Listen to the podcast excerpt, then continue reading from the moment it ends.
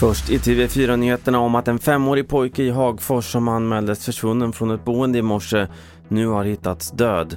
Rubriceringen är vållande till annans död. Diana Kudhaib är polisens presstalesperson. Han har eh, anträffats vid eh, vattnet i, i älven. Eh, och det är ju just omständigheterna kring pojkens försvinnande som nu måste utredas vidare. Två män döms till livstids respektive 18 års fängelse för styckmordet på en 57-årig man i Karlskrona förra sommaren. Kvarlevorna hittades i november. Båda männen har delvis erkänt brott. Och du ser mer om det här på tv4.se. Nu fotbolls-EM.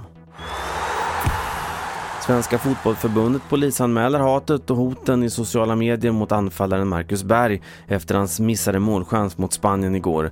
Så här sa han själv på en pressträff i eftermiddags. Det är klart det är inte acceptabelt och ingenting som, som jag accepterar. Jag vill inte att eh, någon ska behöva ta så mycket skit. Framförallt barn och ungdomar som ser och läser och kan bli påverkade av det också. Det var senaste nytt från TV4 Nyheterna. Jag heter Carl-Oskar Alsen.